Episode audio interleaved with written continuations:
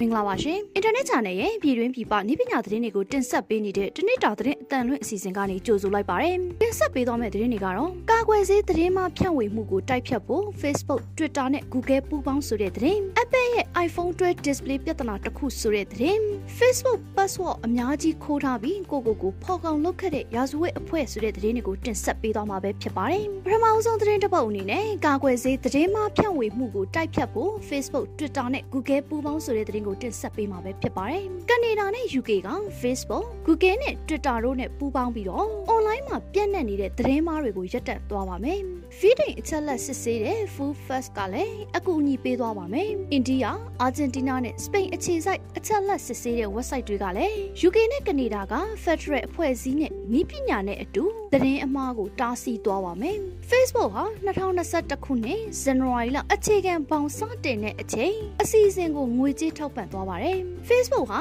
သတင်းမှားတွေရပ်တန့်ဖို့လိုအပ်တဲ့စံချိန်စံညွှန်းတွေကိုစတင်သွားပါမယ်။ online ကမကောင်းတဲ့သတင်းအချက်အလက်ကိုလည်းတုံ့ပြန်သွားပါမယ်။ဆက်လက်ပြီး Apple ရဲ့ iPhone 12 display ပြဿနာတစ်ခုဆိုတဲ့သတင်းကိုတင်ဆက်ပေးမှာပဲဖြစ်ပါတယ်။ Apple ရဲ့နောက်ဆုံးထွက် iPhone 12ဖုန်းတွေဟာစတင်ရောင်းချနေပြီဖြစ်ပါတယ်။ iPhone 12တွေကဖုန်းကောင်းတွေဖြစ်ပေမဲ့ပြီးပြည့်စုံတယ်လို့မဆိုနိုင်ပါဘူး။ ပြီးခဲ့တဲ့အပတ်ကသုံးစွဲသူတချို့ iPhone 12 mini ရဲ့ lock screen sensitivity ပြဿနာကြုံတွေ့ခဲ့ပြီးတော့ iPhone 12နဲ့ Pro ကတော့ message app ပြဿနာကြုံတွေ့နေရပါတယ်။အခုအခါ iPhone 12ထုတ်ကုန်တွေမှာအခြား display ပြဿနာရှိပါတယ်။ iPhone 12ဟာ6.1လက်မ model ဒါမှမဟုတ် iPhone 12 mini မှာ SMS message သတိပေးချက်တွေပျောက်ဆုံးသလို lock screen မှာ press ဒါမှမဟုတ် swipe လုပ်တဲ့အခါမမှတ်မိတဲ့ပြဿနာဖြစ်ပေါ်ခဲ့ပါတယ်။ အခုနောက်ဆုံးအားနည်းချက်ကတော့ iPhone 12 display မှာအစိမ်းရောင်ဖြစ်နေပြီးတော့မိတ်တုပ်မိတ်တုပ်ဖြစ်နေပါတယ်။အဲ့ဒီပြဿနာကို Apple ရဲ့ support community စာမျက်နှာမှာလည်းတင်ပြထားပါတယ်။လက်တလုံးမှာတော့အဖြေရှာနိုင်တဲ့နည်းလမ်းမတွေ့သေးပါဘူး။နောက်ဆုံးသတင်းတစ်ပုဒ်အနေနဲ့ Facebook password အများကြီးခိုးထားပြီးတော့ကိုကိုကိုဖော်ကောင်လုပ်ခဲ့တဲ့ရာဇဝတ်အဖွဲ့ဆိုတဲ့သတင်းကိုတင်ဆက်ပေးမှာပဲဖြစ်ပါတယ်။ရာဇဝတ်အဖွဲ့တစ်ခုဟာ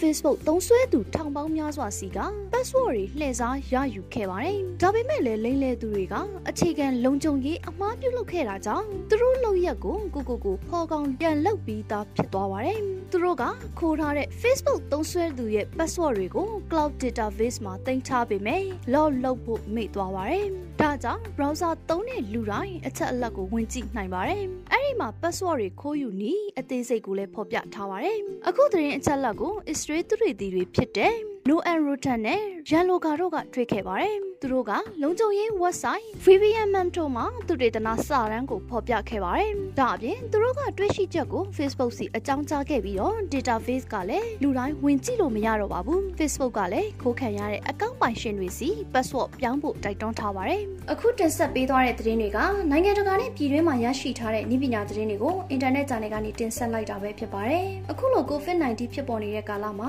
ပြည်သက်တွေအနေနဲ့လည်းကျန်းမာရေးနဲ့အာကစားဝန်ကြီးဌာနရဲ့လမ်းညွှန်မှုတွေနဲ့အညီလိုက်နာဆောင်ရွက်ခါနေထိုင်သွားလာဖို့တိုက်တွန်းလိုက်ပါတယ်။ကျမကတော့ဝေမြင့်မှုပါ။